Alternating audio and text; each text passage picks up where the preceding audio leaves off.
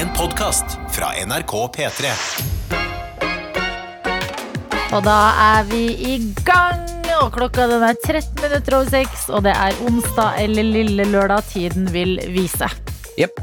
Hvordan ja. du, eh, altså, du tenkte ikke på at det var lille lørdag engang? Nei, Så har du da, hvordan har morgenen din vært? Litt liksom ikke- rusha morgen. Ja, du pleier å komme i et eller annet sånn festhumør eh, skikkelig lille lørdag Ja. når det er onsdag. Mm. Hva er det som har skjedd? Nei, jeg har det kjempebra. Altså Mm. virkelig, det er, det er ingenting sånn eh, dramatisk som har skjedd, men noe litt uventa. Jeg hadde en rar eh, start på dagen i dag. Fordi alarmen ringte, Mm. og så trykka jeg 'slumre'. Ja. Og så begynte jeg å drømme en rar drøm etter det. Og da drømte jeg om en mann som var, jeg vil anslå to meter høy, Ah, hadde blond hockeysveis og gikk i liksom sånn lakentruse. nei, Jo, jeg vet det er kjedelig å høre på drømmer, men jeg ble helt satt nei, ut nei, jeg syns ikke det er kjedelig. Jeg syns det er ubehagelig. For da, jeg, det her setter seg et eller annet sted i mitt hode. Og så kommer jeg til mareritt. Maren er borte. Jeg sover aleine. Han, han var ikke skummel, han var jo Hercules. Ah. Ja, det var en kjekk mann. Ok, var det en kjekk mann med hockey? Men det var liksom ikke det jeg klassisk tenkte på som kjekk mann, så jeg lurer på hvor hjernen min har henta det. På en blond hockeysveis Ja. og en sånn laken bretta sammen truse. Og så var jeg på jobb. Ok, nå forteller jeg dere drømmen min, og det kan være kjedelig, men dette er grunnen til at jeg ikke Det husker kan at jo det hende at det er lenge siden du har eh, Ligget med en fyr med hockeysveis, mener du? ja, på lakentruse.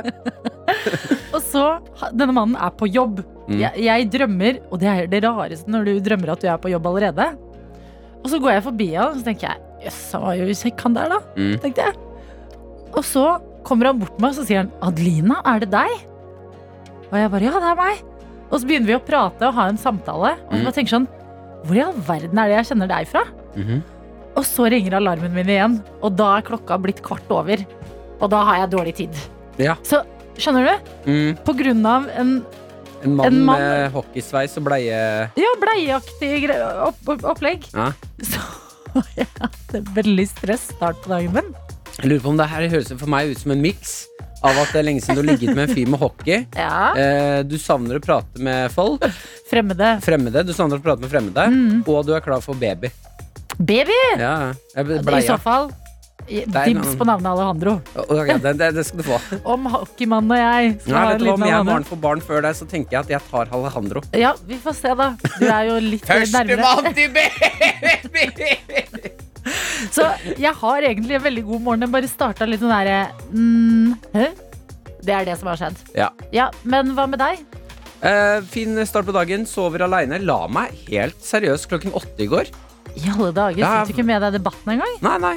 Den må vi debrife her hos oss snart. Det, absolutt, Jeg fikk med at hva som skulle skje på debatten. At han skulle spise pannebåndet til Tix og det greiene der. Tix og anmelder møtes, og eh, det skal spises et Tix-pannebånd. Ja, Men jeg var så helt uh, Skutt? skutt i går da jeg kom Mm. hjem. Lå på sofaen og var sånn Maren er ikke her. Jeg blir ikke ofte så kan jeg la, ligge Jeg syns det er hyggelig å være litt oppe med henne bare for å holde henne med selskap eller være litt sammen med henne. Ja. Mens nå er jeg helt alene. Så jeg, sånn, jeg kjente på en følelse av sånn Jeg har jo ikke noe å sitte oppe for.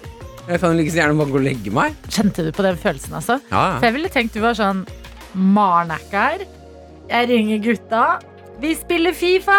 Hey! Nei, ja, men eh, det, da blir det fort så innmari stygt. Ja, jeg, tenk, vet du hva? jeg er litt var på at det ikke sklir ut for tidlig i uka. Ja. Sånn mandag-tirsdag litt sånn helligdager. Komme litt på plass igjen, få på litt rutiner, lage noe god middag. Sånne Mm. ting. Og så, vet du, fra i dag av da, Ja. kan, begynne, da kan du begynne å skli Det er nå litt. det sakte, men sikkert begynner å skli litt grann ut. Så Ja. mandag og tirsdag er litt hellige dager for meg òg. Men eh, om morgenen, det må jeg altså bare få spørre om, er eh, For jeg, har ikke, jeg hører ikke folk nevne det her. Er jeg den ene Jeg, jeg, altså jeg blir plaga av at jeg er litt mørkredd om morgenen. Oh, ja. Når jeg går ut i leiligheten min, jeg syns det er nesten uh, litt ubehagelig å gå ut i stua, for den, er, den uh, lysbryteren er litt lenger inne i stua. Mm. Uh, og når jeg skal gå ut på gata, så syns jeg det er litt Og jeg hører ikke folk si sånn Det er bare snakk om at kvelden kan være litt skummel for Mm. oss mørkredde. Men er det noen der ute som også er litt mørkredde om morgenen? Fordi jeg driver og skvetter i min egen leilighet. Du, ok, ja, fordi det der Det er sant. Det er på kvelden jeg som regel blir mørkredd. Ja, Men på morgenen så føler jeg sånn oh, Overlevde. ja, ja og den pleier jeg også å kjenne på. Ja. Men nå siste uka nå, kanskje det er fordi jeg er alene hjemme, Kanskje. syns jeg det er litt Jeg skrudde av lyset i gangen, og så løp jeg til døra og, og, og låste. Jeg tenkte at nå kommer det noen bak meg i leiligheten. En lite barn. Ja, Og ut på gata, helt alene, mørkt. Syns det er litt skummelt. ja, jeg blir morramørredd. Ja, men hvorfor? Morramørkeredd? Ja. Ja, fordi vi tenker jo at de vi møter på kvelden i en sånn mørk gate, er sånn Å, nå er det kveld. Å, skummelt. Men på morgenen så tenker man altså, tenker jeg, Da tar jeg det for gitt at alle som er våkne, er på vei til jobb eller driver med noen sånne ulumskheter. Ja. Ja, Og det kan hende de som drev med ul- sånn lumskheter på natta, ennå Ja. ikke har gått og lagt seg. Jeg føler at jeg er såpass tidlig oppe. De kan ligge rundt et hjørne og vente på deg. Og tenke, «Mwah». Jeg føler at den lille jenta med nattkjole, som jeg åpenbart Hun legger seg jo åpenbart aldri. Nei, hun har ikke lagt seg klokka kvart over fem om morgenen når jeg står opp. Nei, hun har bare en turné. Hvor, hun er, eh, hvor enn det er mørkt eh, når det blir eh, natta Ja. på andre siden av kloden. Da drar hun stikker hun dit. Dette er P3 Morgen. Med Martin og Adelina. Og det er så deilig når dere er med oss og sender inn både meldinger og snaps. Det er en del eh, Beklager. Tok en uh, feil, feilsluk av kaffen her. Hei, ja, ja, ja. Mm. Eh, Det er en del mørkeredde folk ute og går i Snapchat-innboksen her. Ja. Og det liker jeg. At vi er en samlet gjeng. At vi sammen kan være her i trygge, det trygge land Norge. Og alle er litt sånn Å, det er litt skummelt når det blir mørkt. ja det er, og det er mye mørkt i Norge.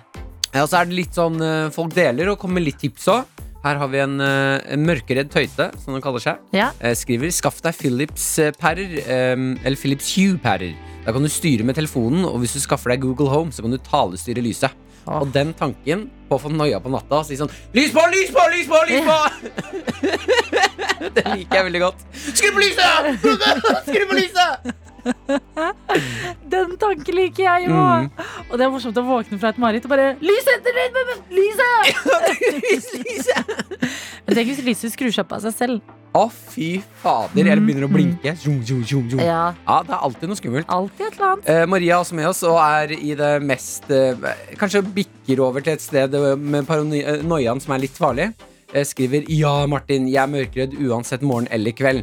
Jeg går alltid rundt med nøklene sånn her. Og da har hun puttet, Wolverine! ja, Yes! ja, puttet nøklene mellom eh, fingrene, sånn at det ser ut som sånn klør som stikker ut. Ja, det er jeg på kvelden. Jeg går alltid sånn her i fingrene i tilfelle jeg blir overfalt. Bor i et eh, litt farlig strøk. Hilser gangsteren. Ja, Samme. Hvem var det som sendte den? Var det Maria? Ja. Samme Maria. Jeg er også glad i den. eh, Og jeg føler meg litt som Wolverine. Når jeg går med nøklene sånn igjen utover, så bare ikke, ikke tull med meg nå. Don't even try it. Vi har med oss en som skriver om jeg er mørkeredd på morgenen, sa du. Å, det er Eh, må jo ta sats ut av sengen, løpe like fort som Karsten Warholm til lysbryter etter lysbryter i huset. Den lille jenta i nattkjole er jo sikkert sulten tidlig på dagen. Da må Ja, man være ekstra på vakt, mener jeg. Ja.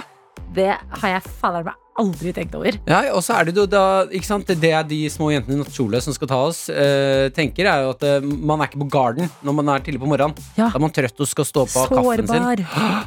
Så Mm. jeg kjenner meg så igjennom det å løpe bort til lysbryteren. og bare, Ja! Ok, på, jeg er trygg, jeg er trygg her. Nå må Ja. jeg til neste rom. Ja, ja! Vi, på morgenen er vi litt sånn såre gaseller. Vi ligger nede. Vi er enkle ofre. Mhm. Det er lett for eh, en liten jente i nattkjole å komme inn og bare Gah! Når vi minst aner det. Men jeg har en melding som eh, bare flipper litt på ting, da. Ok. Og det er jeg som skriver her. God morgen. Jeg tror dere må slutte å se på skrekkfilm. og det Ja. er det er et godt argument, men når man først har fått den skrekken, så er det vanskelig å komme seg ut. ja, Altså. og så er skrekkfilm er så gøy. Nei, det syns jeg ikke. Jeg har Jo. ikke sett noe skrekkfilm siden The Ring. Jeg, jeg vet ikke hva det er, men jeg, jeg, kanskje det er det at jeg hater meg sjæl litt innerst inne. Men jeg elsker å se skrekkfilm. Men folk sier det. Det er så deilig å bli redd, Ja, sier folk. Men da tenker jeg sammen med venner og Vet dere hva som er deilig? Chips er deilig. Og deilige romantiske komedier og brus. Å bli redd, det trenger ikke jeg. Kan ha noe med at jeg ikke opplever så mye nå. At Ja. jeg må kjenne litt på at jeg lever. Kanskje jeg skulle sett The Ring igjen, bare for å kjenne Ja, på litt åh, følelser. fy faen, nå er det noe jeg ikke har kjent på lenge! Hva er dette her? Harald er altså med oss og sender en snap som jeg syns er helt sinnssykt, og jeg vil vite hvor har du fått tak i det her. Han skriver god morgen. Jeg er ikke lenger mørkredd siden jeg har skaffet meg nattoptikk som er lett uh, å se med i mørket. Og det er altså da sånne militærbriller som du kan Og så kan du se i mørket med sånn grønn farge. Oi, men vil du det, da? Eh, ja. Eh, ha det Jeg tenkte det var litt skummelt, jeg. Da har jeg det rett ved siden av senga. Ja. Hører jeg én lyd. Rett på med spionbrillene. Mm -hmm. jeg hører hva du sier. Jeg tenkte det- var litt ukoselige briller, men eh, jeg tar whatever i... floats your boat. Whatever floats your boat. Mm. Uh, ja. Nei, men Det er eh, godt av å vite at man er flere da som er litt uh, redd eh, tidlig på morgenen. ja, folkens, det er deilig å vite at vi er sammen om det her. Så Jeg føler jeg meg ikke så tullete. Ta med Tømmerres Sondre som skriver Martin. Du Mm. trenger jo ikke være redd for en liten jente. Hadde du ikke klart å slåss mot en tiårig jente, liksom? Nei, men der har vi jo dilemmaet, da. Slå. Jo, men ok, man skal ikke slåss. Og man skal i hvert fall ikke slå kvinner. Og man skal i hvert fall ikke slå barn. Men hadde du møtt på et Hadde du møtt på The Ring-jenta Ja, En det, tidlig har, det morgen. er det jeg mener, da har jeg jo dilemma, da. Ja. Det, hvis den lille tiåringen kommer mot meg, så jeg jeg kan ikke. Jeg havner, Ja. Enten nå så dør jeg, eller så havner jeg i fengsel. Det du gjør, det er sånn ah! Har du en storebror? Har du en storebror jeg kan ta? Jeg kan slåss med pappaen din! Ikke deg! Jeg kan ikke slå deg! Jeg kan ikke slå deg! Hvor er pappaen din? Urettferdig! Ja, det er alle dilemmaer i livet man må igjennom, ikke sant? Skummel jente i nattkjole. Nei, jeg beklager. Jeg hadde, jeg hadde grisebanka den tiåringen. Hadde du det? Jeg føler du ikke hadde det. Nei, jeg hadde nok- jeg tøffere hadde der. Nei, hadde du ikke det. Martin og Adelina ønsker deg en god P3-morgen. P3 Dr. Jones, du er ansvarlig for dette radioprogrammet, og du er um, forlovet. Hmm. Ja, Vi sender hverandre tekstmelding hver morgen. Det er ofte jeg som gjør det først. Og der skriver jeg et eller annet for å bare sjekke at vi alle tre er våkne. En eh, slags eh, face Nei, Messenger, eh, hva det heter, gruppe. Mhm. Liten, søt gruppe. Og i dag så hadde jeg forsovet meg litt og skulle prøve å skrive det til dere. Men jeg skrev Du, ja, du har den her, så kan du lese hva Jeg jeg har den her. Jonas skriver eh, i dag klokka 17 minutter over fem. Ja, det, det, vi må få med at det er jeg som starter, da. Ja, Ja. det er sant. Ja, det det er er jo sant, helt, sykt. helt sjukt. Og vet du hva? I vårt tres arbeidsforhold tror jeg det er første gang at Ja. du er først. Ja. I løpet av et år, så takk. her skriver Martin ja. 17 minutter over fem. Ja. Og så skriver du, Jones, wow! Litt forlovelse her! Er nok der akkurat. og da, da tenker jeg Da så jeg på badet og er trøtt, og så tenker jeg gratulerer med forlovelse. ja. Så jeg skriver til deg. ja. Og hva skriver du videre, Martin? Uh, uh, uh, ja, du skriver 'gratulerer med forlovelse', Adelina. Skrev jeg. Det er bra greier. Gleder oss til å møte hen. Og det er my mye moro man kan ha det på en skrivefeil tidlig på morgenen. Ja, og det tenker jeg Det er jo egentlig noe vi kan trekke ut av dette her, mine venner. Og det er at hvis du har forsovet deg, da, skriv en liten feil. For da får de andre istedenfor Nå er jo dere hyggelige mennesker, da, så dere vil jo ikke shame, shame, shame, mot meg. Men uh, for eksempel hvis du har en streng sjef, eller et eller annet sånt, kanskje det vil mykne det strenge sjefens hjerte, eller læreren, hvis du Mm. skriver 'jeg har forlovet meg'. Mm. Nettopp. Men det er vanskelig, altså. Jeg hadde veldig lite lys på telefonen, altså. Vanskelig å se hva han skriver, da. Ja, og så må du Du må jo også uh, tenke på tiden. Skal jeg skrive en lang forklarende melding nå? Eller skal jeg bare fyre den kjapt så jeg kommer meg av gårde? Ja. Og det var det jeg valgte. Og derfor så har jeg også nå Men det var jo bare et kvarter. eh, Forsovelse eller forlovelse. Og derfor så har jeg nå i kroppen en sånn Las Vegas-forlovelse var det. riktig, riktig, riktig, riktig. You wanna marry this guy? Yeah, I Oh, wanna yeah! Um, ja, så derfor så har kroppen min den, den er ikke sånn Dere vet når man er forsova og man kommer sånn en halvtime 40-50 minutter for seint, og alle er sånn og da, da, da er det sånn syre inni kroppen. Men nå er jeg mer sånn der at jeg kjenner at alt er sånn ja, et kvarter etter. Å, det bare et kvarter, ja. Ja. Så- nå driver egentlig dere og finner første låt uh, oppi hodet mitt. Ja, ikke sant. Nei, men du, du kommer til å havne i synk etter hvert, eh, Jones. Håper det. Går det bra nå som du først er på plass? Ja, Og så håper jeg deg som våkner et kvarter for sent nå. Det går bra, du kommer i synk. Slapp Send en melding og skriv wow, litt forlovelse i dag. Og da blir det Om du, om du ikke fikser alt, så fikser du i hvert fall lite grann. P3 Morgen. P3morgen med Martin og Adelina. Jeg har fått en melding jeg har lyst til å ta med. Og her står det 'Hilsen den lille jenta'. Så det, er, eh, det har vært litt eh, eh, skremmelsestematikk tidlig på morgenen her. ja. Nå har vi fått en melding hvor det står Hei, hei, jeg har aldri vært mørkeredd på morgenen før jeg hørte på dere i dag. Nå går jeg rundt og skvetter hver gang noen jogger forbi meg. Men jeg går i fullt hvitt og har langt hår, så nå har jeg skjønt at jeg er jo den lille jenta i nattkjole for andre som er ute og går. ja, Ja, ja men det er klart du skvetter når folk skvetter. Det blir en sånn ho-ho-greie. Ja. Nei, Mm. men du, det er eh, Beklager for at vi eh, sendte deg inn i det tankekjøret. Men eh, husk, du har utrolig mye makt med hvitt antrekk og langt hår. Ja, Og du er ikke alene om å være mørkredd. Vi er en gjeng, så du er trygg her med oss. Ikke sant? Eh, vi skal hoppe over til noe jeg mener Å shit, som jeg gleder meg til å høre på der. Det er, kommer nå, det har kommet nå en legende podkast. Hva? Noatot heter den. Det er eh, Vår P3 Morgen sitt tilleggsprodukt. Du laster det ned der du vil. Der er du god, Adelina. Der er du god. Eh, jeg mener at dette er kanskje Ikke at det er bedre enn vår podkast, tilleggsprodukt, men det er i hvert fall en god nummer to. Okay. Det er Barack Obama og Bruce Springsteen. Barack Obama og Bruce Springsteen har laget podkast. Nei, men det er jo Hva er, hva er det, liksom? De har laget podkast. Ok, dra oss gjennom det, Martin. Ok, eh, De har kalt podkasten Renegades. Born in the USA. Born in the USA. Ja. Eh, og det de skal da, er egentlig de to første episodene, det er to episoder ute. Unnskyld meg, Mhm. er dette liksom Jan Thomas og Einar i USA, tror du? Sånn, Er det de to som nå skal bli kjent og Nei, fordi de kjenner hverandre før. De møttes under eh, presidentens valgarrangementer, altså Barack Obama, i 2008. Ja, Ja. og etter det så har de utviklet et varmt vennskap, Åh, kan. TV2 melde om. yes. Ja, eh, Så da har de nå sammen laget den podkasten hvor de skal snakke om eh, Jeg vet ikke om det blir det gjennomgående temaet i hele podden hver Mm. gang, men de to første episodene så prøver de liksom å snakke og eh, brekke ned hvorfor USA har blitt så utrolig sånn splitta samfunn. Mm. Eh, og samtidig så plø De sier også at de prøver å holde seg unna personlige historier. Sånn yeah. stikk til Trump og sånne ting. De prøver faktisk bare å sette seg ned og snakke om liksom, hva er det som skjer med landet okay. vårt. Men jeg har lyst på litt personlige historier. Ja, jeg, Jeg vil, håper jo at det sklir ut, da. jeg vil vite liksom Jeg trenger ikke mobbing av Trump og de tingene der, Mm. men jeg vil jo gjerne ha litt personlige historier fra deres liv. Som hva Ja. driver de med? Krymper Barack Obama en dress i vaskemaskinen noen gang, liksom? Ja, jeg tenker jo at når Bruce Springsteen og Barack skal inn og ha denne Elsk at dere er på fornavn. Ja, men jeg er Barack, ja. Ja, Det er klart det. Eh, når de skal Når Bruce og Barack eh, skal inn og ha podkast, Ja. så mener jeg at de trenger ikke å ha noe tema. Nei? Det- Drit i USA, bare sett inn og prat. Åh, hvor, altså, hvor populær kommer ikke den til å bli? Det er noen mennesker jeg bare Jeg vil vite Har du melk, eller har du sukker i kaffen, eller har du ingenting? Ja, nettopp. Det er bare Jeg vil bare vite. Eller kaffe eller te. Mm. Ok, te, er det vanlig eh, Earl Grey, eller foretrekker du med røde bær? Mhm. Shit, for eh, to legender møtes faktisk i en podkast. Ja, Shit, som jeg gleder meg til å høre på der. Står det noe om eh, når den kommer? Den er kanskje rett rundt hjørnet? Jeg lurer på om den er ute. I alle dager. Mm. Barack Obama. Eh, kan jeg bare si, jeg har sett han live. Jeg har Hva? sett Barack Obama live. Og du bare Barack. Barack! Yo, man. Hey man, do you use sugar or milk in the coffee? Dette er P3 Morgen. NRK P3. Med Martin og Adelina. Syv minutter over syv denne onsdagsmorgen, som kommer etter en ganske rar kveld. I hvert fall hvis man så på NRK1.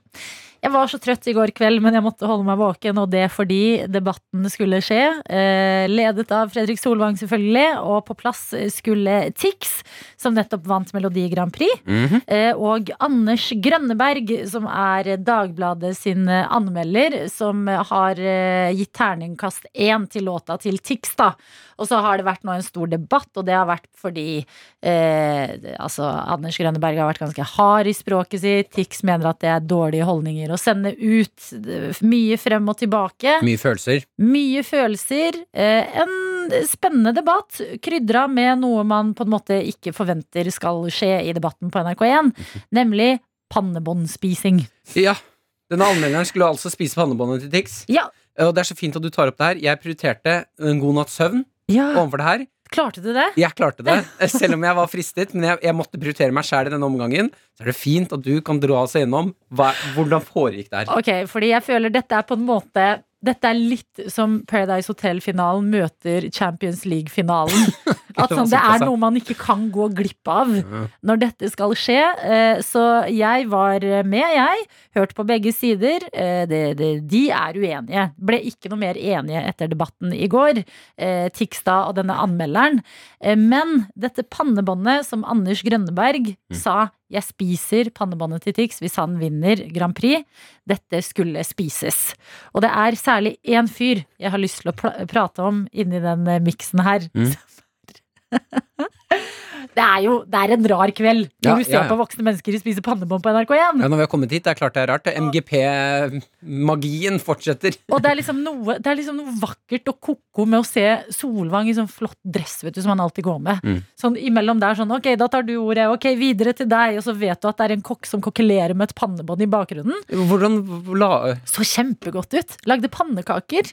Nei, med litt pannebånd. Og så krydret med litt pannebånd Nei, hva, på toppen. hva, hva gjorde de med pannebåndet? Ja, det er eh, Det eh, delte opp litt og brukte det som krydder på toppen, og så var det litt inni pannekaka. Du kan jo høre her i dette klippet hvordan kokken legger frem eh, pannebåndet. Ja. Fordi det er noe med å skulle liksom det, Å være en kokk og presentere måltidet, presentere retten. Han gjør det som fjongt? Ja, ja, han gjør dette så godt han bare kan. eh, og så bare Og så hører du liksom hva, hva det er i retten. Vi kan jo bare høre her. Tar en god bit der, Grønnerød. Dette er pannekaker eh, med pannebånd. Det er rikelig med pannebånd eh, inni, men vi skal eh, også eh, for sikkerhets skyld krydre dette med litt pannebånd på toppen. Kan vi bare ta det en gang til? Nå krydre Dette er dette? pannekaker eh, med pannebånd. Det er rikelig med pannebånd eh, inni, men vi skal eh, også eh, for sikkerhets skyld krydre dette med litt pannebånd på toppen. Krydre dette med litt pannebånd på toppen. Det, så helt casual. Dette er panne, pannekaker. Rikelig med pannebånd. Mm. Og vi skal krydre det litt med pannebånd på toppen. Men er pannebåndet rått? Eh, Det tror jeg ikke. Nei, for det har hørt at eh, er det noe du ikke skal spise, er rått pannebånd. Ja, Det skal alltid være gjennomstekt. Du skal ikke bade etter å ha spist, og du skal ikke spise rått pannebånd. Nei. Det er de to tingene vi aldri glemmer. Hva hva var dommen til eh, anmelderen her? Så du som han likte det? Uh, jeg syns ja. Altså det, det er det beste du kan lage ut av et pannebånd. Mm. Uh, så alt i alt føler jeg vi har gått igjennom noe rart som en nasjon, liksom sammen. Kan du beskrive for meg hvordan stemningen er etter at han har tatt en bit? Var det jubel, eller var det sånn Da gikk jeg og la meg. Så det, vet Nei, men i helsike. Penger, da, Adelina? Pannekake, var fortært, og da tenkte jeg nå har jeg sett det. Nå er jeg med. Jeg tenkte det så digg ut, men igjen, da. Jeg elsker jo mat. Og nå har det skjedd. De har møttes i debatten. Eh, Grønneberg og Tix. Og pannebåndet har blitt spist. Ja, det er bare noe med å være Å skulle fortelle barnebarna mine. Det er ofte det jeg leter, ser etter når jeg lever i livet akkurat nå. Og Ja, nå da forteller de at når jeg var midt i en pandemi, og de spør meg hva var hø- høydepunktet, så vet jeg ikke om jeg Å si da at nei, det var når eh, anmelder eh, måtte spise pannebåndet til Tix. Mm. Jo, men vi er, er, jo, fordi noen ganger så må man ta det inn, for nå begynner vi å bli så vant til ting. Men vi må jo ta inn at vi er midt i en pandemi. At det spises et pannebånd ja, på direktesendt TV? jeg, jeg tror dette er et resultat av at nå skjer det for lite i verden. Nå må vi på konsert! Vi må komme oss ut og ta noen under hånda, for nå driver vi og spiser klærne til hverandre! Men tenk om, det, tenk om det blir det nye, da. Sånn der, det er jo ikke lenge siden Taco har vi hatt en stund nå. Mm. Guacamolen kom vel for sånn ti år siden cirka. Hva om det nye blir pannebånd nå? Pannebondemi. Å, Martin. Dette er P3 Morgen. Med Martin og Adelina. Julia Michaels med Issues på NRK P3. Og noen som hadde issues, i hvert fall ekteskapet, det var Kim Kardashian og Kanye West. Nå er det slutt for et av Hollywoods aller største par, og vi hedrer dem med en quiz her i P3 Morgen i dag. Og vi har fått med oss Pernille. God morgen, Pernille!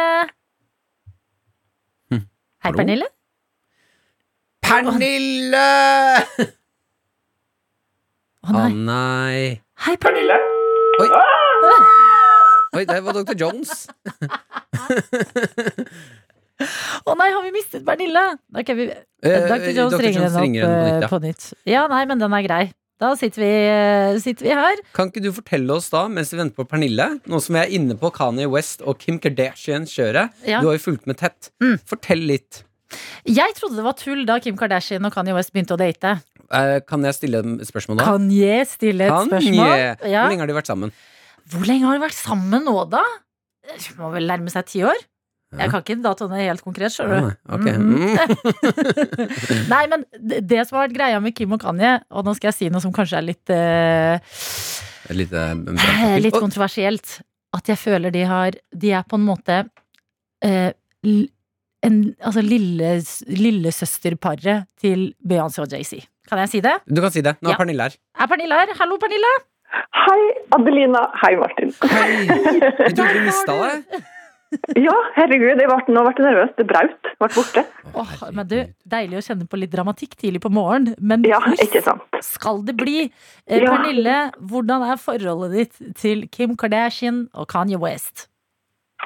Du, jeg Det er jo ikke flaut å si det, men jeg elsker Keeping Up With The Kardashians. det gjør jeg, og jeg har vært fan av Kan- Kanye West. Men I, eh, er det sånn at du eh, offentlig elsker dem, eller er det litt sånn guilty pleasures når du holder litt sånn skjult? Nei, jeg tror Nei, jeg jeg er stolt på det. Ja, ja du melder deg på en stolt, ja. Da tenker jeg Det er bra du står i det i dag. Men jeg lurer på, siden du er så keeping eh, Jeg kaller det bare keeping, jeg. Keeping-fans.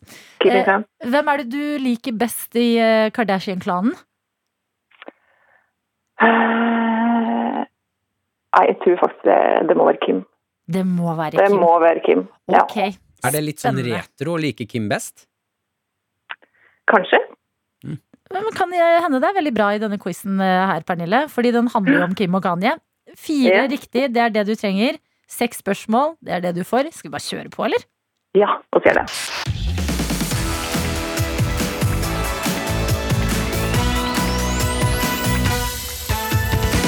Spørsmål nummer én til deg i dag, Pernille, det er Hva er parkallenavnet på Kim Kardashian og Kanye West?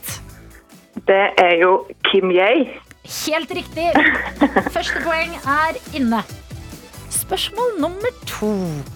Kim og Kanye har fått fire barn. Kan du navnet på to av disse barna? Kan navnet på fire, vet du. Men du skal få tur. Kjør fire. Ja, Ok. faen, for et selvtillit! Det er North, Ja. Spain, Mm. Chicago og Palm. Ja, fy fader. Det, det, er, det var et ettpoengs et eh, spørsmål, så du har to poeng nå, men det er veldig bra jobba, Pernille. Vi beveger oss til spørsmål nummer tre, og jeg lurer på hvem var det som sa dette her? Var det Kim, eller var det Kanye som leverte oss strofen? There's a lot of baggage that comes along with our family, but it's like Louis Vuitton baggage. Å, herregud. Mm. Litt usikker, men det kan jo fort være Kanye. Det kan fort være Kanye. Skal jeg si det, da? Ah, det er dessverre feil, Pernille. Oh, det. Det var Kim, men det er det som er gøy. Det kunne jo vært begge to. Ja, det kunne det. Ok, vi skal eh, videre i quizen. Jakten på poengene fortsetter, og mitt neste spørsmål det er basert på en lyd vi skal høre. Og det jeg lurer på nå, Pernille, det er hvem var det Kanye avbrøt i dette lydklippet vi skal høre nå? I, I'm really happy for you. I'm gonna let you finish. But Beyonce had one of the best videos of all time. Husker du det? Award Ja, show. ja, ja, ja husker det. Flaut. Men det var jo Taylor Swift. Det er helt riktig. Stakkars. Jeg elsker at det kommer en personlig mening der. Jeg husker det. Det var flaut. Det var flaue greier. Og det var flaut. Det var jo det. Det var altfor meget. Ett poeng til. Det trenger du, Pernille. Så er koppen Ja. din. Ok, Jeg er spent på neste spørsmål. Her føler jeg Dette er eh, for nerdene. Og du høres ut som en eh, Kim-jente, Pernille. Kim var gift med en annen før hun var gift med eh, Kanye West. Den hun var gift med, det var Chris Humphries. Hvor lenge varte det ekteskapet? Ja, det var jo ikke så lenge. Nei Men, men var det et helvår, da? Åh. Nei, det, det er liksom Nei. ikonisk tall. Er det, okay. er det 40 dager? Ja, sånn. Er det 55 dager? Eller er det 72 dager? 72 dager var det. Det er ikke noen sak! Det er ikke noen sak for deg, Pernille. Herregud, du nailet Kimie-quizen. Og jeg er eh, glad for det.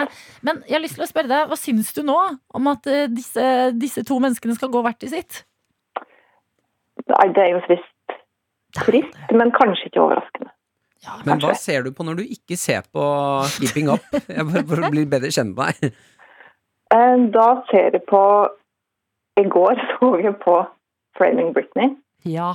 Det er jo, er jo selvsagt noe man måtte få med seg. Ah. Eh, ellers så eh, går det mye i eh, Star Wars her i huset. Hva? Kanskje det, det var- jeg litt Du opp. Keeping Up til Star Wars! Og jeg elsker deg, Pernille! Og det er fakta.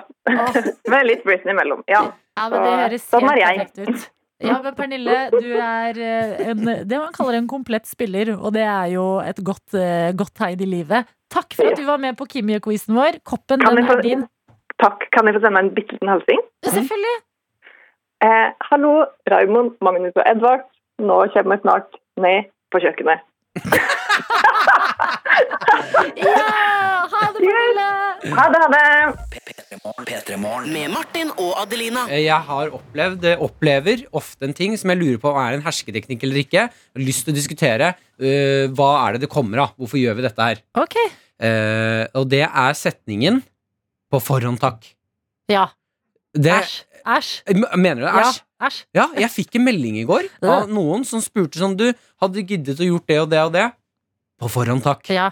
Jeg bare Ikke, ikke takk meg! Nei. Ikke takk meg! Ja, men Jeg har ikke, ikke, ikke, jeg har ikke tenkt å gjøre det her. mm. På forhånd, nei! ja, men på forhånd takk er en sånn det, Vet du hva? Det er høflig ment, men det bare bikker over i noe. Jeg klarer ikke helt å sette fingeren på hva det er. Men det er sånn, da antar jeg, jeg forventer at du gjør dette, og jeg sier takk på forhånd. Så er det sånn, å ja, har du ikke tid til å vente jeg har gjort det, og si takk da? Ja, det er litt Ja. det jeg kjenner på. Ja. Å, å, deres, å, deres majesteter, du, har- du, du har så mye å gjøre! At du bare må takke meg på forhånd! Ja, vi kan ikke skrive på forhånd takk til hverandre. Jeg syns det er noe utrolig Ja, ja, ja, jeg har ikke tid til å takke deg etterpå! Jeg må signere noen papir! Ja. Dere takker meg på forhånd. Jeg har Ja. ikke planer om å gjøre det heller. Ja, fordi vet du hva jeg føler? At det er litt sånn Eller vet du hva? Jeg føler ikke engang. Vi kvinner vi må slutte å bare føle. Hva, hva jeg syns! Ja, bra! Det syns. Nå blir det oppheta stemning Ja, her. men nå, er det, nå er vi dypt inne i hersketeknikkene. Det er sånn her, Akkurat nå så var du heldig fordi jeg var på telefonen, så nå bare blir jeg ferdig med alt jeg trenger å skrive til deg. Så da, da, det, er, det er tre i én sjampo. Det er sånn balsam, sjampo, kroppsstopp igjen. Det er sånn, Jeg er på telefonen, jeg ber deg gjøre noe, og jeg skriver på forhånd takk, som liksom er en hyggelig ting, men egentlig er det bare meg som ikke har tid til å si takk til deg senere. Det er litt sånn, hvem er, Hvorfor? Ja. Hvordan havna vi to i en samtale? tenker jeg da. Og, og når det er en forespørsel Altså dette er da åpenbart en uh, ting uh, som jeg ikke Eller det, du spør meg om Hadde du giddet å gjort det? Ja. Så, og, på forhånd takk? Ja. Da, du må jo vente til jeg har sagt ja eller nei. For nå, du, nå blir jo jeg han stygge når jeg sier sånn Ja, men du, på forhånd Jeg kan ikke. Eller hva faen skal, hva skal jeg svare her, da? ja, fordi Du har jo satt meg opp i et hjørne hvor det er jeg som kommer dårlig ut. Å, men det er sjukt. Hvis du ikke, hadde du giddet å gjøre det her, hadde du giddet å støvsuge i dag? På forhånd, takk. Hæ? Det er ikke sånn at det gir motivasjon til å Nei. støvsuge, akkurat. Nei. Du får jo ikke en takk etterpå engang. Den har du allerede fått. Det er bare tap-tap. Ja, fordi da, Hvis jeg støvsuger, da sier jeg at Maren sier det her til meg. Hun har aldri sagt det her. Eh, Da hadde ikke sier- du vært forlovet med Nei, det, ikke sant? nei jeg sier ikke det. Sint. Ja. På forhånd nei i kirken når vi skal gifte oss. Eh, Men at jeg da legger fra meg støvsugeren, legger den ned, tar den inn i skapet, og så Ja. står jeg og venter på Mm. Mm, støvsugd. Ja, bra. Skal du ikke si takk? Nei, jeg sa det i stad. Fuck deg, Maren. Men du, tenk å komme på middagsbesøk til andre, så bare Å, vi skal kose oss sånn i kveld. På forhånd, takk for maten. Du vet ikke om du får mat engang. Da er det sånn Adelina, okay. Adelina mm, på forhånd gratulerer med dagen. Takk. Mm. Nei, det blir det, det, På forhånd gratulerer med dagen. Jeg kommer ikke til å si det der på Ja, bursdagen din. sant. Det er det jeg mener. Den. Mm. Men det, er det noen Fordi åpenbart så er vi synka her. Mm. Er det noen av dere som hører på, som sier på forhånd takk, eller skriver det i meldinger eller på mail? Og hva er motivasjonen bak det? Ja, Kan dere utdype litt? Skjønner dere at, dere at det kan oppfattes som en hersketeknikk? På forhånd takk. Vi, vi diskuterer eh, en form for hersketeknikk.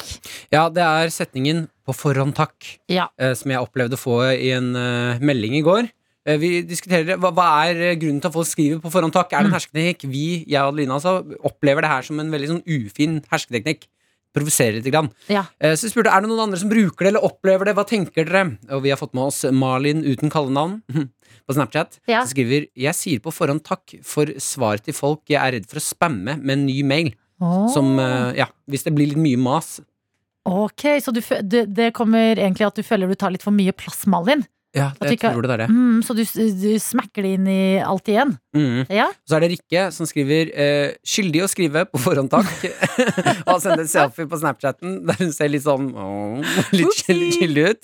I, eh, på forhånd, takk. I mailer til leverandører på jobb når jeg er usikker på når jeg rekker å sjekke mailen igjen. Ja. For da kan det være en sånn på forhånd, takk, og så leverer personen noe og skriver 'hei, i mailen, nå har jeg klart det', ja. og da, Da vet du ikke om du er på. Ikke sant? Vi har en her som skriver på melding, godord P3 til 1987. Hei, jeg forstår at deres hverdag er annerledes. Hersk, hersk. Åh, står det her. Men ved business så er det helt greit, fordi den andre personen må jo egentlig ofte gjøre det uansett. Til og med det lille. Dere forstår jo det. På forhånd, takk. Å, fy fader. Og det Det, det sårer. Ok, ja, men det er greit. Vi kan lande litt på at eh, i rette settinger I så skal, du få, business. ja, så skal det være greit hvis du gjør det på en hyggelig måte. Christian sender en snap her på det mest provoserende jeg har lest på lenge. Nei. Han har opplevd eh, Altså, jeg står her Bruker ikke på forhånd takk, men har fått PFT, altså pft, i en mail. Måtte spørre hva det sto for. Da klikka det for meg. Nei! Ja, altså Når en person ikke har tiden til å skrive på forhånd takk Ja, engang, men skriver pft Men forkortelser er, det er en ny type hersketeknikk. Folk som skriver GMD. Ja. Dere, som, sk- dere som skriver GMD, Ja. og- eller PFT Å, hadde du ikke tid til å skrive 'gratulerer med dagen'? Det er en varm, det er en hyggelig ting, men så er det kaldt likevel, fordi Ja. du skriver tre bokstaver. På forhånd, takk! Hvor, hvor inderlig er den takken hvis du ikke har tid til å skrive på forhånd, takk engang? Adelina, gidder du hente mer kaffe til meg? Pft, pft, pft. På forhånd GMD, Martin. Å, fy fader. Nei, vi, vi må legge fra oss dette temaet. Jeg kjenner blodet bruser. Det er ikke bra for oss. P3 Morgen med Martin og Adelina. Og vi har fått besøk, og jeg har gledet meg mye til dette besøket. Det er første gang vi har en president på besøk. Ja, det er stort. Det er stort. Først og fremst klima- og miljøminister Sveinung Rotevatn, god morgen og velkommen. God morgen. Det er jo ikke løgn å kalle deg en president. Nei, det er lov akkurat nå, fordi nå er jeg president i FNs miljøforsamling. Så eh, denne veka har veldig mange kalt meg president. Hvor Altså- ofte minner du folk på at du er president i det daglige livet ditt? Um, bare når det er nødvendig. Og når er det nødvendig? Veldig sjelden. Veldig sjelden. Du er en nøktern type, og det tenker jeg er bra. Men er det sånn når du, når du da møter Sier folk sånn Ok, you can speak now, speak now Mr. President. Ja, da, ja, på møtene så er det jo det. Da Ja. er det sånn Mr. President, uh, may I please take the floor og sånt. Men det er for så vidt ikke det gøyeste. Det som er gøy, er ikke når de sier Mr. President. Det som er gøy, det er når de forsøker å uttale navnet mitt. Ja. Og det å være fra Kenya og Frankrike og Venezuela og forsøke å si president Sveinung Rotevatn, Mm. det er ikke enkelt. Hva, hva Kan vi få en er smakebit av hvordan det har hørtes ut? Det er veldig ulike varianter av sånn swingang, sw- swangang swang- President Ja, Svanong! ja, Så I går så sto Uhuru Kenyatta, som er president i Kenya, på talerstolen i sånn Hawaii-T-skjorte, som de tydeligvis går med når de er politikere i Kenya. Det gjør de jo i Norge òg! Det er ja, Nei, ja, er helsedirektør som gjør det. Og prøvde å uttale navnet mitt, og det var ikke enkelt. Det var fantastisk å oppleve. Ja, men, eh, men sånn, eh, sånn er livet. Det, utfordringen er jo at jeg skal, det er jo jeg som må si flest navn, for jeg leder møtet. Mm. Så det jeg spør medarbeiderne mine rundt bordet mest om, er hvordan uttaler jeg det, hvordan uttaler jeg det, hvordan uttaler jeg det. Så jeg Men- må gutse litt sjøl òg av og til. Jeg tenker dette er en god icebreaker når man skal sitte der i disse møtene. Og de foregår jo på eh, Teams og internett om dagen, de òg. Absolutt. Hva, altså, det høres jo Dette er jo et av de viktigste miljøorganene som fins i verden. Eh, hva gjør dere? Så du kan tenke deg et vanlig Teams-møte, da. Der du sitter med deg og de fem medarbeiderne dine og forsøker å bli enige om noe. Og så kan du se for deg det, bare at i stedet for dere seks, så er det 160 land som snakker fem ulike språk med oversettere, og skal forsøke å bli enige om miljøpolitikk på, på Teams. Det, det er relativt vanskelig, det skal jeg jo bare si med en eneste gang. Jeg håper alle har bra internett, i hvert fall. At de ikke legger det. de har ikke det, vet du. Det er problemet. Nei, men det er en del land som sliter med, med, rett og slett sliter med internettforbindelse. Så det er ganske ofte at folk forsøker å ta ordet, og så bare forsvinner videofiden. Og, og da må jeg altså spørre, når dere sitter da så mange på Teams og Zoom og alt det der, er det noen som har gått på en sånn filtersmell og gjort seg om til en katt, eller Dessverre ikke. Mm. Nei, ikke som jeg har lagt merke til, i alle fall. Okay, skuffende. En isbjørn som liksom drukner, For litt sånn symbolikk i Ja, det kunne jo vært bra symbolikk i det. Nei, det, det, det er lite av det, men det er klart det, du får veldig innsikt i mange ulike heimer og kontor rundt i hele verden, altså. Så Mm. du ser du liksom på en person som sitter der og tenker ja, sånn har de det i Ghana. Men Sånn, sånn bor de i uh, Kina. har dere liksom en møteagenda? Hva er på toppen av miljøagendaen nå? Hva er liksom eh, øverste punkt som er det viktigste vi jobber rundt? Um, det som i hvert fall Norge er veldig opptatt av, og veldig mange andre land også heldigvis, det er marin forsøpling. Uh, og få stoppa plast i havet. Det er veldig mange opptatt av. Ja. Senest i går så, så jeg en sak i, i min lokalavis da, i Fjordabladet hvor noen som hadde funnet en sel eh, som lå død i, eh, langs stranda. Og han var død for at han hadde tydeligvis dukka inn i en sånn plasttrakt som hadde ligget og flytt i havet, og blitt kvelt av den. Så det lå liksom han død der langs stranda. Eh, Og det er den typen ting, da. Ikke sant? Altså, havet flyter jo over av søppel, av plast. Og det vi jobber med nå, er å forsøke å få til en global avtale der alle land blir enige om at der skal vi få en slutt på. Og hvordan gjør du det rent konkret? Jo, det handler f.eks. om å ha forsvarlige søppelhåndteringssystem i hvert land. da, Slik at du ikke bare hiver alt søppel ut i, eh, ut i ei elv, og så ender det opp i havet. Slik en dessverre gjør i mange land. også. Men da lurer jeg på, fordi at eh, det er jo mange av disse landene som er med som ikke har noe altså, Eller som ikke har eh, Norge har jo verdens nest lengste kystlinje. Eh, andre land har jo mye mindre. Sånn, blir de sånn mm, Nei, nei, nei, vi har en annen sak vi heller vil snakke om. At de blir liksom kniven om hva som skal være fokus. Ja, veldig. Ja, Noen er opptatt av marin forsøpling, andre er opptatt av eh, mer sånn klassisk forurensning. Veldig mange er opptatt av klima, selvsagt. Ja. Mange er opptatt av skog og regnskog. Og en del er opptatt av at vi skal gjøre minst mulig, og helst ikke bry seg om miljøet i det hele tatt. Så det er jo en litt sånn Det er jo en kamp, da. Yes. Eh, selvfølgelig. Går det bra med deg de siste dagene? Har du det bra? Ja, jeg, jeg, har det, jeg har det fint. Vi, eh, vi har jobba i veldig mange måneder med å få enighet om et sånn felles budskap. Og det er jo ganske krevende å få på en måte Norge og Sverige og Saudi-Arabia og Brasil til å bli enige om noe på klima og miljø. Men det klarte vi til slutt i går. Så nå har vi en sånn felles message, som det heter, som ble vedtatt, eh, heldigvis, enstemmig. Som selvfølgelig ikke er liksom, det er ikke Venstres partiprogram, men det er, det er bra. Og det tar oss videre, og det peker ut ikke minst det som vi er opptatt av, er at du skal, når du er ferdig med denne pandemien her, komme inn i en framtid som er grønnere. Og du skal ikke bare bruke penger på liksom de gamle næringene og på fossile løsninger, men på å investere i fornybar energi, f.eks. Ah. Og den typen ting er en del av det, og det er bra. NRK P3. Vi må snakke om en ting, fordi eh, vi snakket i stad om sånne grønne investeringer, kom så vidt innom det. Og jeg har fått med meg nå i det siste at Norge vi blir kalt for klimahyklere. Hvorfor gjør vi det? Ja, det er jo noen som kaller oss for det, da. Um, og det du sikta til, var sikkert at det var en sak der en sånn skribent mente at Norge og Storbritannia og Canada var hyklere. Ja. Eh, Og hun pekte jo oss fordi at vi er tre land som alle egentlig gjør veldig masse for klima, kutter masse, har tøffe mål, blir ansett som veldig sånn miljøvennlige, egentlig. Men samtidig så har vi jo oljeproduksjon i alle de tre landene. Um, og det der er jo et spørsmål jeg møter mye også internasjonalt, så klart. For det det er jo mange som syns det er rart at Norge er så opptatt av klima, og samtidig at vi fortsatt utvinner en god del olje og gass. Og du kan jo si at Norge er et litt sånn paradoks, da. For det er klart at ja, vi selger jo fortsatt eh, fossile ressurser og tjener penger på det. Og samtidig så gjør vi liksom alt vi kan for å undergrave etterspørselen etter vårt eget produkt. ikke sant? Gjennom at vi satser på elbiler og elbusser og hydrogen. Altså Vi forsøker liksom hele veien å støtte og kreve løsninger som ikke krever gass eller olje. Og samtidig produserer vi det. Og jeg skjønner jo at mange syns at det er et, er et paradoks. Ja, fordi hvor mye penger kan vi tjene Eller sånn, hvor mange grønne investeringer kan vi gjøre med disse sk- skitne oljepengene våre? Som de jo kalles. For, for å rettferdiggjøre at ja, det er jo nettopp det som har gjort oss så sykt rike. Altså, det er oljepenger. Jeg fall at vi som et rikt land, litt uavhengig av hvorfor vi er rike, eh, har en, en, forpliktelse til å investere masse i grønn teknologi. Og eksempel når regjeringa nå i fjor bevilga penger til det største klimaprosjektet i Norge og norsk industri noen gang, nemlig karbonfangst og -lagring. Altså det koster jo at Staten skal bruke ca. 16 milliarder kroner på det. Det er kjempedyrt. Dette er ikke noe som fattige land har råd til å gjøre, men vi velger å gjøre det. Så jeg mener at vi bør ta en del sånne grep, fordi vi er et rikt land. Men det er klart, vi må jo også kutte ned på olje- og gassproduksjonen framover. eh, Og den går jo nedover. eh, Og fram mot 2050 så kommer norsk olje- og gassproduksjon til å synke med ca. 65% Så det er ikke slik at dette øker og øker og øker. Men det er klart det er selvfølgelig en politisk debatt om en skal kutte enda raskere, f.eks. Altså, jeg er jo med i Venstre, eh, og vi er et miljøparti som mener vi bør kutte raskere ned på olje og gass. Og så er jo en del andre partier litt uenige i det, og så krangler vi om det.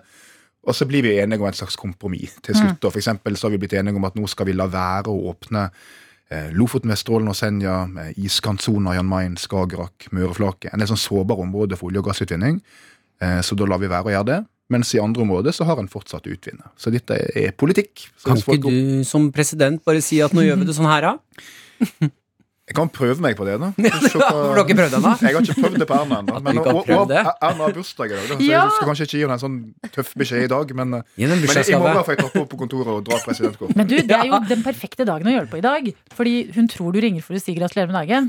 Så er det bare sånn Nei, det er presidenten Hei, statsminister, det er presidenten som ringer.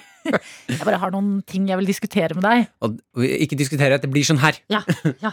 Det, men Ja. sp spennende, fordi jeg, det, i og med at det er valgår og sånn Det er jo nå eh, man kanskje er litt sånn ekstra følger med på hva dere eh, politikere faktisk driver med, da, for mange. Og jeg, jeg må innrømme at jeg sånn, det, noen ganger kan slite litt med det at vi kaller eh, Norges oljepenger for litt mindre Altså mer grønne oljepenger. Skjønner du det? Altså, det er ikke det litt rart Det er ikke det bare et giga Jo. En giga selvmotsigelse? Ja, altså jeg syns ikke en bør kalle det for det. Altså Oljepenger er oljepenger, og de eh, har en tjent på noe som bidrar til å slippe ut CO2. Ja. Eh, så det er jo ikke bra.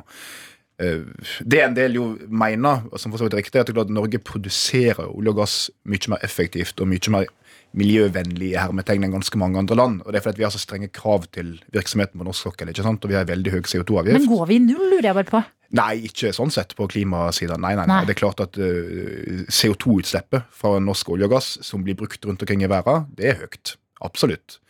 Um, men det er nå også slik at det her er, er lovlig virksomhet, Uh, og så er det et politisk spørsmål hvor masse en skal utvinne. Eh, og det går ned, og det kommer til å gå raskere ned framover. Uh, men eh, dette er jo liksom det, det er en ganske levende debatt både i regjeringa og Stortinget, for, for å si det sånn, og her har folk veldig ulike, ulike meninger. Men jeg tror uansett at vi skal satse på å kutte utslippene våre, få dem ned. Nå er de på sitt laveste nivå på 27 år, og det må vi fortsette med, slik at vi kan nå klimamålene våre. Det er, så, det er, det er spennende, ja. Dette er P3 Morgen. Med Martin og Adelina. Tiesto og The Business. Hører du mye på Tiesto Sveinung Rotevatn? Jeg gjorde en del da jeg var 17-18 og kjørte i russebil og sånt. Ja. Ikke sant? Hva går det i nå? Jeg vil bare vite hva hører klima- og miljøministeren eh, på? Når du har pause Eh, mellom Teams-møtene. Ja, hva hører jeg på da? Nei, jeg hører på litt forskjellig. Jeg hører litt på må si, noe så voksen som jazz og klassisk og sånt. Men eh, jeg har også en ganske sånn dårlig musikksmakside som jeg gjerne får utløp for når jeg trener, f.eks. Okay. Og så er jeg veldig glad i Grand Prix, da. Så Ja. jeg følger godt med på Grand Prix. Yes! Ja, men Det er godt å høre. Eh, nok eh, musikk. Oh, Melodi Grand Prix. Jorden? Var det for, jeg bare ser for meg at det var favoritten din. Ja, Nei, nei, Blåsemafiaen. Ja var Blåsemafia, da? Ja, ja, ja. Ja, De var gode, de òg. Ja, det er sjukt bra. Og det er jo korpsbevegelsen i tillegg. ikke sant? Jeg føler meg som en del av, ja, jeg er en del av det. Har du spilt i korps? Absolutt. Ok, Hvor lenge da? På seg eh, Hele oppveksten, studietida. Hvorfor har dere ikke et stortingskorps?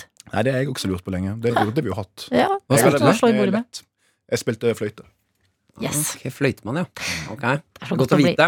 Ja, Ja. ja, har plassert meg, da. Da har jeg plassert deg. Jo, Men det, vi blir litt bedre kjent med deg her i dag. Det er jo første gang du er på besøk hos oss. Og vi må også prate med deg nå. Altså, em, du ble jo klima- og miljøminister rett, rett før pandemien. Altså det, det, slutten av januar i fjor.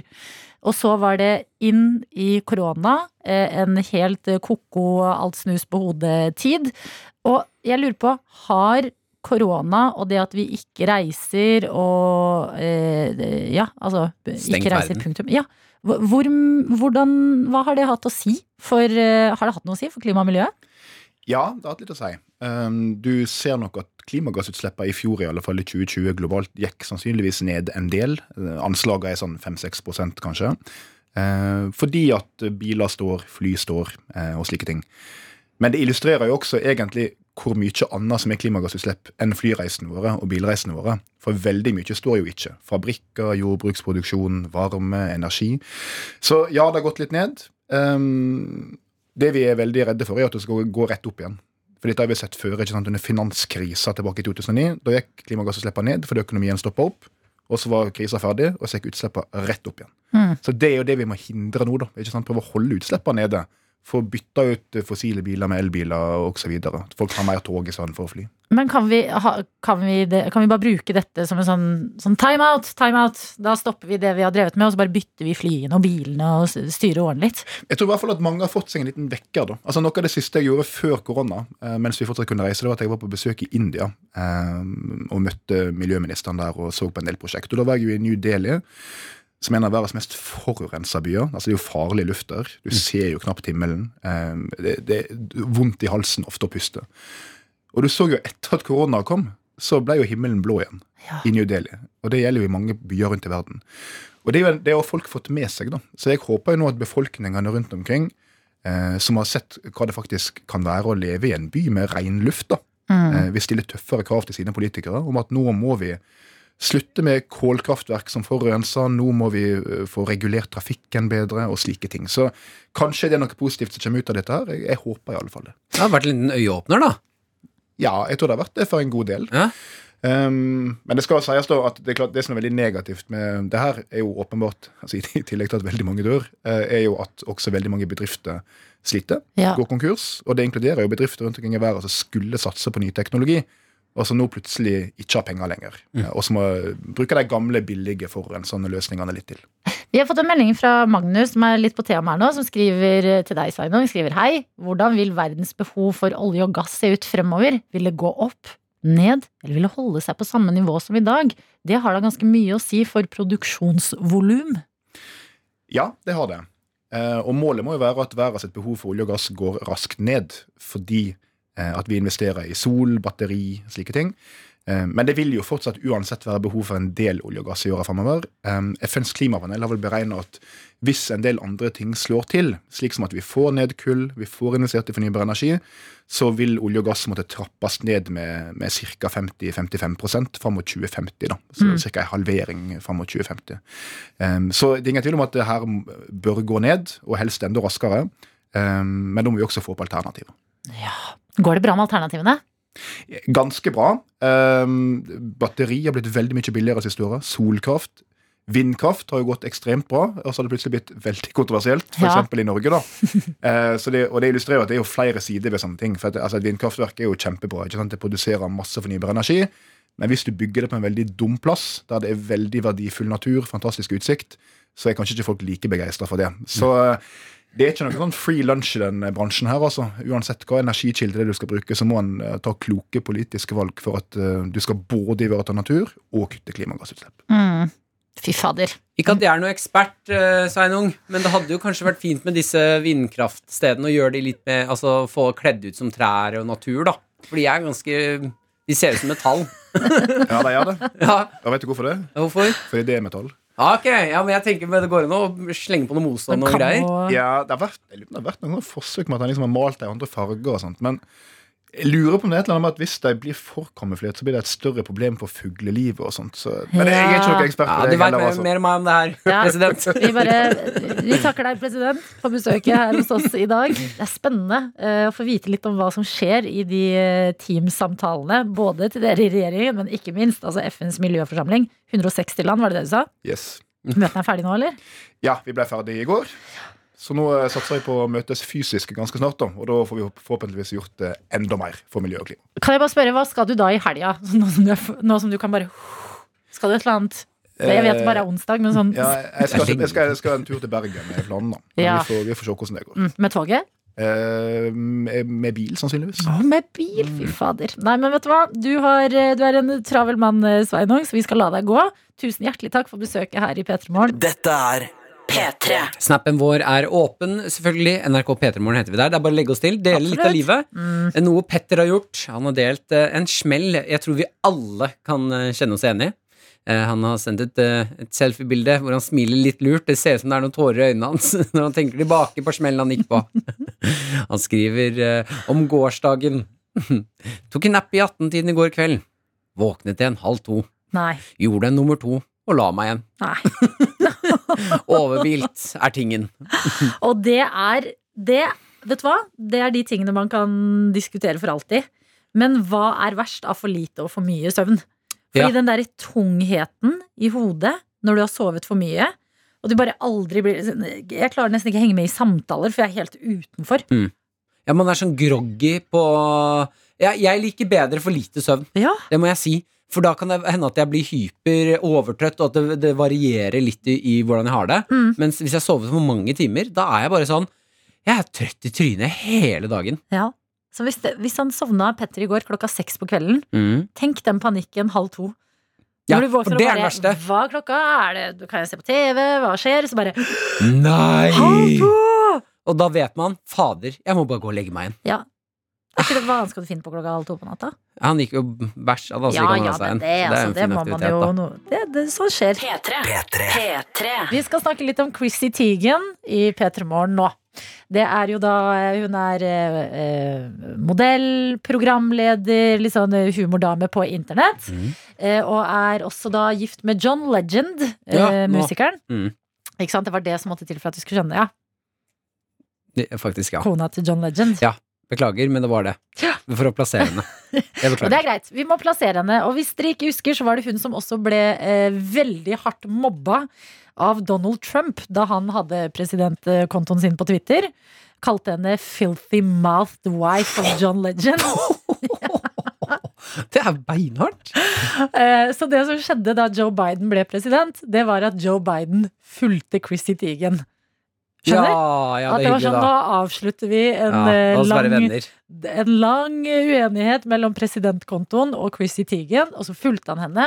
Og hun var en av sånn 15 personer. Hun er en av 15 som blir fulgt av POTUS, som er den offisielle President of the United States of America-kontoen.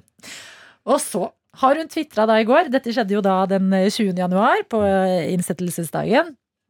Tvitra Chrissy Teigen i går. I have tweeted a handful of times since my treasured POTUS following. Altså siden hun ble fulgt av Mhm. POTUS. In order for me to flourish as me, I must ask you to please Lord unfollow me. I love you. It's not you. It's me. Hun orker ikke presset av at Ja, presidentkontoen følger henne, for hun er veldig aktiv på Twitter, høyt og lavt, ikke sant? Og så kommer da oppfølgingen, som er at POTUS-kontoen slutter å følge Chrissy Teigen.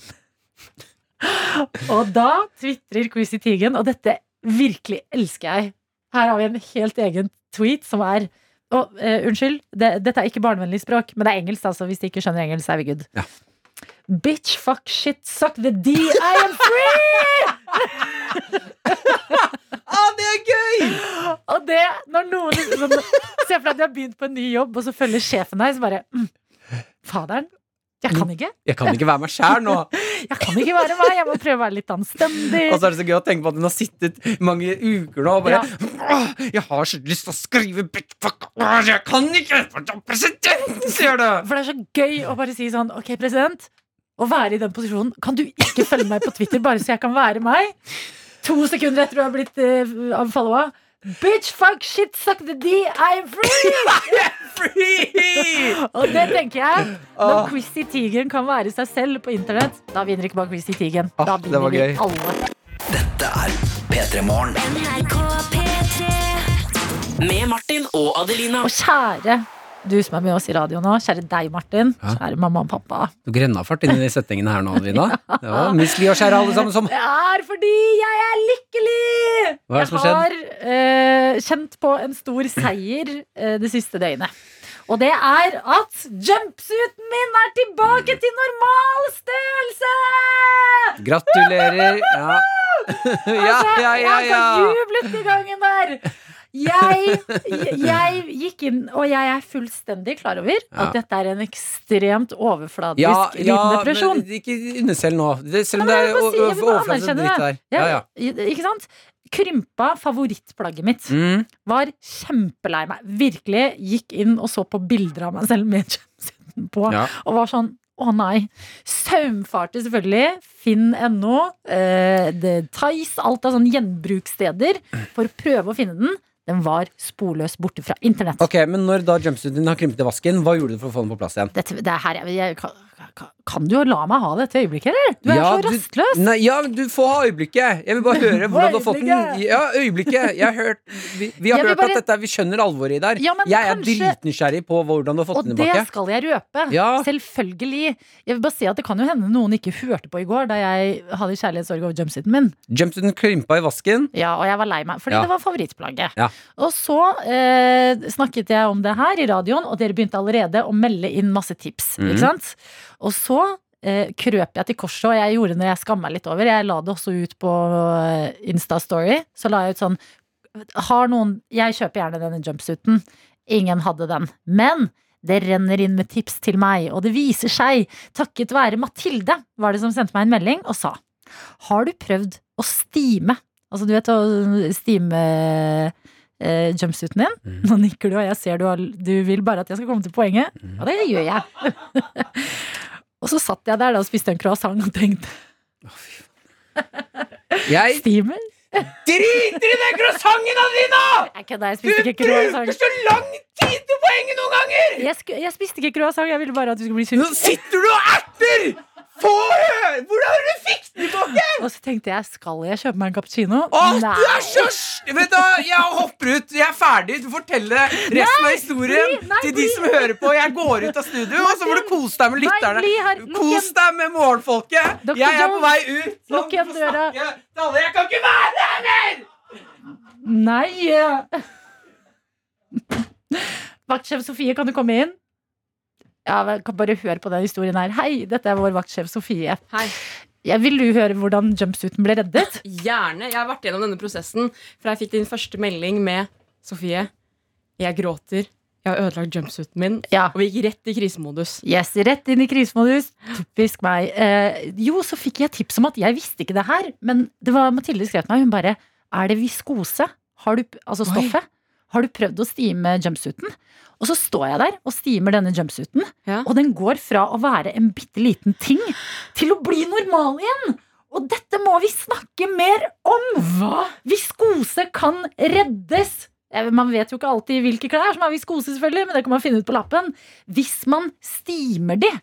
Altså, du vet sånn derre Ja, eh, sånn som, ja, mm. Hva heter den? Det er Sånn, sånn dampmaskin. Det er ikke som et strykejern, bare det kommer damp ut istedenfor. det kan dampes tilbake til normal størrelse. Men hadde du det tilgjengelig hjemme? Jeg lånte det av naboen min.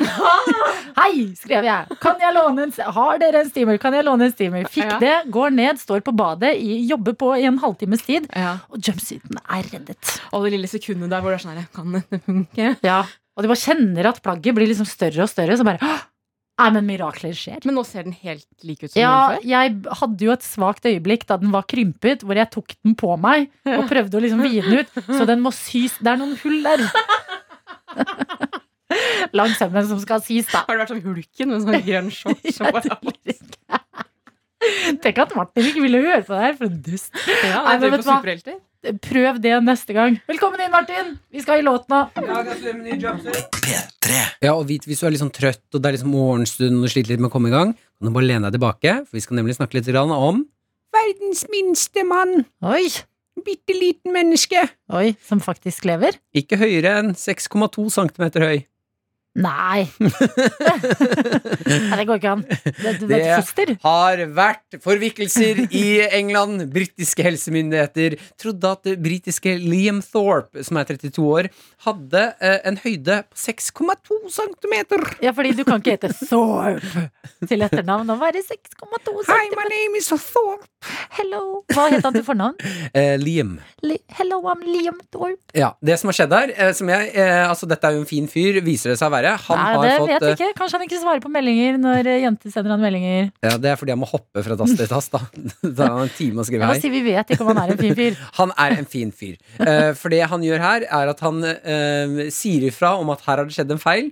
Han fikk melding om at han er førstemann i køen på koronavaksinen fordi han har en høyde på 6,2 cm eh, og en BMI på 28 000. Ikke sant? Jeg Ja. husker ikke helt BMI-reglene, men jeg hører at det er feil. Ja, eh, altså Man kan være på liksom tosifra, da er man innafor, liksom. Ja. Eh, rundt der, da. Eh, og så varierer jo det her. Eh, fra høyde og mennesker og sånne ting. Men når du er på 28 000, og du er 6,2 cm høy Fordi sto det at eh, vekten hans var liksom normalvekten? Eh, Altså, tror du det? Siden at det var derfor det varierte så mye mellom høyde og vekt. Ja, altså Det som har skjedd der, er at han har meldt inn høyden sin, og så har det kommet en eller annen sånn uh, kommafeil. Oh, yes. Så han har blitt registrert som 6,2 cm høy, Mm. men vekten hans har ikke blitt forandret på. Ja. Så da har han så gått sånn, vaksiner han ikke. Det er, det er den all over again. Den derre skyt han, ikke Ja, vent ja, til jeg ja. går Det er den? Riktig. Så han fikk melding om at siden du har en BMI på 28 000, og det kun er 6,2 Altså, da, er snak, da snakker vi bare en, en bitte liten og kjemperund ball! altså, det, er det, det er det sykeste mennesket på jorden. Og her er det da mennesker som har jobbet i helsemyndighetene, som bare Å, i vi må vaksinere han! Han er i kjempefaresonen! han kan jo så vidt gå! Han, klar, han bitte liten ball! Tror du de ble litt skuffa Ja, da det viste seg at dette var feil? Ja, at de det- var sånn 'Å, herregud, i dag er dagen her'. Ring lokalavisa. Vask alle hjørner og kriker og kroker. Liam Thorpe kommer til oss, dere! Ja, så det som skjer, altså, Da kommer det jo Liam Thorpe kommer for å melde at her har det skjedd en feil. 188 cm høy, helt vanlig menneske. Eh, men at han da melder ifra om at det har skjedd en feil, det syns jeg er veldig fint. Men at han da ikke har med en liten klump som han sier er Liam Thorpe, som han viser fram i hånda. Altså Tenk plastelina-mennesket han har laget hjemme, Ja, og bare vaksiner. Ja, sånn derre Hei, det er jeg som er eh, passer på, eh, og er privatsjåføren til Liam Thorpe. Her er han. Eller sånn at du sier sånn Er dere klare for eh, Liam Thorpe til legene? Jeg skal bare ta han ut av lomma mi. Ja, han er, han er litt sjenert, skjønner du. Og så kommer de til meg. Nei, det jeg bare tulla. Jeg, det er jeg som er Liam Thorpe. Ja, her er det mulighet for humor! Liam, Liam. Thorpe, Mm. du sviktet oss, Ja. men du var raus og sa 'jeg trenger ikke stå først i den vaksinekøen'. Men at noen har trodd at Liam Thorpe finnes på ekte, er 6,2 cm høy, 28 000 BMI, det gjør meg glad. Det går jo an å ta dette til inspirasjon for et eventyr eller noe. Liam Den lille Liam Thorpe som skulle ut på eventyr. I just want a vaccine. I am Liam Thorpe, I can't walk. Dette er P3. Haaland, rett og slett. Vi må, Fotballguden. fot, fotballguden, fotballkongen, fotballkometen. Altså, det er Ja, skjønt. En til. En til. Fotball. eh, fotballens Beyoncé. Fotballens Fotball. Fotballens Beyoncé. Jeg vil ha flere. Å ja, eh, fotballens Kygo. En til. Siste. Har du en til? Fotballens Ivar Aasen. Jeg, jeg slenger ut Ja, bra, ting her. Jo, men vi har jo skjønt, liksom, uh, uansett hvor mye du følger med på fotball eller ikke, så har det ligget en stor nyhetsverdi i hvor god Haaland er. Mhm. Man får med seg at han har morsomme feiringer når han skårer eh, mål, gjør det kjempebra i eh, Dortmund, hvor han spiller, og uh, målfest pleier det å stå sammen med bilder av Haaland. Og det registrerer jeg. Men jeg er inne på TV2 Sporten nå, og det bare slår meg hvor god Haaland er. Det er noe du skjønner det? Jo, jeg tror jeg skjønte, men jeg får tall Ja. på liksom eh, Tall på ting. Er det og da- statistikk? Ikke helt, det er penger. Ja. Eh, Det er ikke statistikk, men det er penger. Det er summer som Ja. liksom viser eh, verdi, da. Og På jeg, Haaland, da. ja.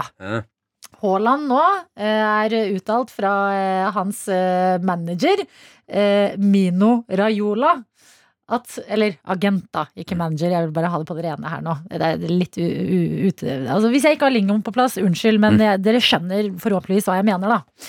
Det er maks ti klubber som har råd til å kjøpe Haaland nå. Fordi han har han går for den nette sum, altså hvis han skal eh, bli solgt, fordi han er på kontrakt nå i eh, Dortmund. Og hvis han skal bli kjøpt ut, så må det være en sånn utkjøpsklausul, som sikkert er enda dyrere, da. Så da snakker vi 765 millioner kroner. Syv Ok, vi vet Haaland er god. Men hvis en klubb vil ha Haaland, så må de betale 765 millioner kroner. Ja, det er digg. Og det er så stort tall at jeg nesten, det blir nesten som å tenke på universet. At man får litt vondt i hodet. Og så er det noe litt farlig med Jeg skjønner ikke hvordan disse fotballspillerne ikke blir styggere enn det de er. Sånn som Haaland, som virker som Han er jo fortsatt sånn litt nepp Han har jo selvtillit, da, men når Ja. i intervjuer så er han litt sånn streit, neppe og fyr, er glad i hjembygda si. Mm. At han ikke blir en mer diva person når han vet at eh, han går rundt og er verdt 700 millioner. 765. Ja, ja, 765 Nei, men det, du kan ikke bare det, det, det, Fordi hadde vært 65 kroner, men det er 65 millioner oppå Ja, der, liksom. 765 millioner, da. Ja, og du er- og så får du lønna hans oppå det i tillegg. Ja, shit! Det er Tjener Haaland 90 millioner?! Okay, Vi får beskjed om at han tjener 90 millioner. Haaland kan eh, Ja, Men da er lurer på, da lurer jeg på uh, Sofie produsent, du er jo fotballeksperten her. Ja, kom inn her.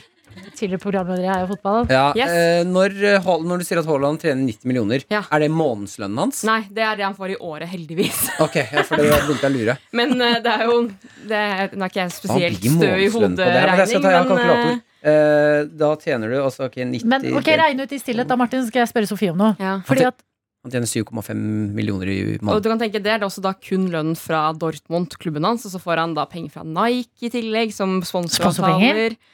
Det er, eh, det er sjukt mye. Messi er vel den første personen som nå som tjener en milliard bare på å være fotballspiller i år. Haaland kan bruke eh, s- 6 millioner i uken, nei, måneden, og så har han fortsatt 1,5 millioner igjen. Ja, men Haaland kan jo bruke 6, Vent, da, hvor mye var lønna på i måneden? 7,5? Ja. Han kan bruke 7,490 og fortsatt spare mer enn folk flest gjør i måneden. Det er så sjukt! Det er jo vilt ja, er å tenke på. Men uh, kan, kan de kjøpe han, Sofie? Fordi det er et eller annet her Han har kontrakt. Når er det de først kan begynne? Kan de Ja. legge inn bud på han nå? Ja, men det som er greia, er at det, eh, det er masse sånne greier, sånn, noe som heter klausuler. Ja. Eh, som er sånn at da må de på en måte kjøpe han ut og betale noe ekstra greier og bla, bla, bla.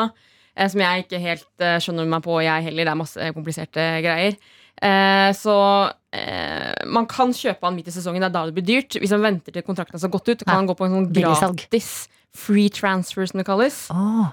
Eh, og da får ikke Dortmund penger, og det er jo ikke helt sånn. Det, da kan Haaland bli sett på litt dårlig og sånne ting. Da. Det er noen fotballspillere som har gjort det. Men hva tror du er viktigst for Dortmund? Å beholde Haaland nå, eller å få nesten 800 millioner kroner? Jeg tenker å beholde han litt til, også for eh, Haaland sin eh, skyld. Han har jo blitt rosa for at han har endt opp i Dortmund etter Red Bull, f.eks., og ikke gikk til sånn storklubb som United, ble sittende litt på benken, kanskje ikke få utvikla seg. Ja. Nå har han hatt en sånn veldig sånn god kurve, hvor han blir bare bedre og bedre og bedre, for han får så sykt mye spilletid og Mm. scorer så mye mål.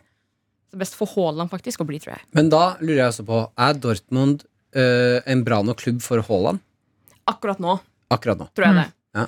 Men Eh, hva så skjer kan han når heller eh, flytte på seg etter hvert. Ok, Er det noen rykter om hvor? Altså, det vil jo være, vet vi hvem Haaland heier på? Heier han på Liverpool eller United? Eh, faren hans eh, spilte jo i Leeds. Mm. Eh, så det er jo sånn ønske som veldig mange har. da At han liksom skal spille i Leeds og, og sånn. Eh, og faren hans spilte også i Manchester City. Han er jo, Haaland er tror jeg er født i Manchester eller Leeds. Okay. Eh, så det kan hende at det er ja. City som liksom mange snakker om at han liksom skal dra. da Shit, altså. Nå er, nå, når man får den prislappen på ting, da, da er jeg med på fotballpraten. Da Mm. henger jeg med. Da kan, kan vi melde om det fem minutter over halv ti i dag, dere. Haaland. Veldig stor og flink fotballspiller. P3. Jeg vil minne alle kjære dere som hører på nå, og deg, Adelina, om at eh, våren er på vei. Og selv om den er det, så er vi nødt til å huske å lukke, å lukke vinduer og verandadører, slik at naboene våre ikke blir plaget. Ja, Jeg gikk på en smell i går. ok. Mm. Ja. Jeg har jo gått litt inn den siste tiden for å øh, prøve, å bli, prøve å spille mer gitar på kveldene. Ikke se på serier og sånn, men sette meg ned alene i stillhet og klimpre på gitaren. Ikke sant? Og nå er du jo også alene hjemme. Ja. Eh, som gjør at jeg har enda mer frihet til å gjøre hva jeg vil med denne gitaren. Er det fordi Altså Øver du på ting du kan fremføre i bryllupet til deg i morgen? På, på ingen måte. At du føler sånn det er først Nei. når hun ikke er hjemme at du kan Nei. Det er helst. Det er ikke sånn at jeg sitter og bare I'm gonna marry you. Gonna marry your tits and your love. I love your body. Nei, nei, absolutt ikke. Men det som skjer da, er at jeg sitter og spiller uh, gitar i stua mi. Uh, da har jeg faktisk i går tent stearinlys, har dempa lyset. Søten! Med en, ah, ja, søten. Ja. ja. takk. Sitter med en akustisk gitar. Later som jeg er på nachspiel. Og Har du en ring på tommelfingeren din? For det er det, det, Da er nachspiel-fyr som spiller eh, gitar på nachspiel, drar, på- drar i gang idyll. Da er den looken komplett. Jeg skal, jeg, vet hva? jeg skal skaffe meg en tommelring Ja. mm, til når nachspielene er eh, på plass igjen. Eh, Yes. Det jeg gjør nå, er jo at jeg sitter og spiller, har luftet leiligheten, for det er ikke så kaldt ute lenger. Syns jeg det er deilig med frisk luft. Og jeg kommer inn i en sone som jeg vil kalle null hemninger. Eh, hvor jeg rett og slett har funnet eh, noe akkord og rytme som jeg liker veldig godt. Mhm. Eh, og da er premisset egentlig bare å synge det du eh, som først faller deg til eh, tunge. Å, det kan, først faller deg til tunge. Ja, ja det, det, var en fin setning. Det leker med Leke språket. Bra. Jeg sitter da og synger sanger uh, som en Og jeg, prøver, jeg elsker Kings of Leon. dette er veldig sårt for meg. Men jeg, jeg merker det er så utrolig pinlig. Jeg sitter og Nei, synger. men jeg, hvorfor blir jeg flau nå? Jeg for det er litt flaut. Jeg sitter og synger på engelsk og prøver å høres ut Jeg prøver du. hvordan Ok, jeg vet ikke om jeg, jeg På forhånd, jeg angrer. Okay. Men hvordan, når du prøver å være Caleb Followill, ja, hvordan høres du da ut? Jeg kan bare male bildet, sånn Ja. at dere skjønner. Eh, Verandadøren er åpen. Naboen min hører alt. For den verandadøren er også åpen. Ja, Og du elsker menn, hese menn som synger om Ja, følelser. jeg sitter da og synger en sang uh, som går i det sånn Ja, jeg klarer ikke å altså, det, er, det er altså så pinlig måten jeg satt på i går. Og jeg vet at naboen hørte meg, for jeg møtte ham på verandaen. Og jeg, sitter og synger. I used to Jeg klarer ikke! For det var en sånn, sånn kjærlighetslåt. I used to love you. Jeg klarer ikke å fortelle. Og jeg vet at naboen min hørte meg synge I always loved you. Men så han Kings og Lian med dårlig akustisk gitar. Jeg beklager. Jeg ble flaut å sette på sang. Jeg kan ikke være i deg mer. Du må sette på låta, Adelina. Jeg er oppriktig flau nå. Oh, dette var smertefullt for alle, føler jeg. Jeg trodde ikke Men jeg du skulle klarer ikke å dra én strofe ut av det Nei, der. jeg klarer ikke.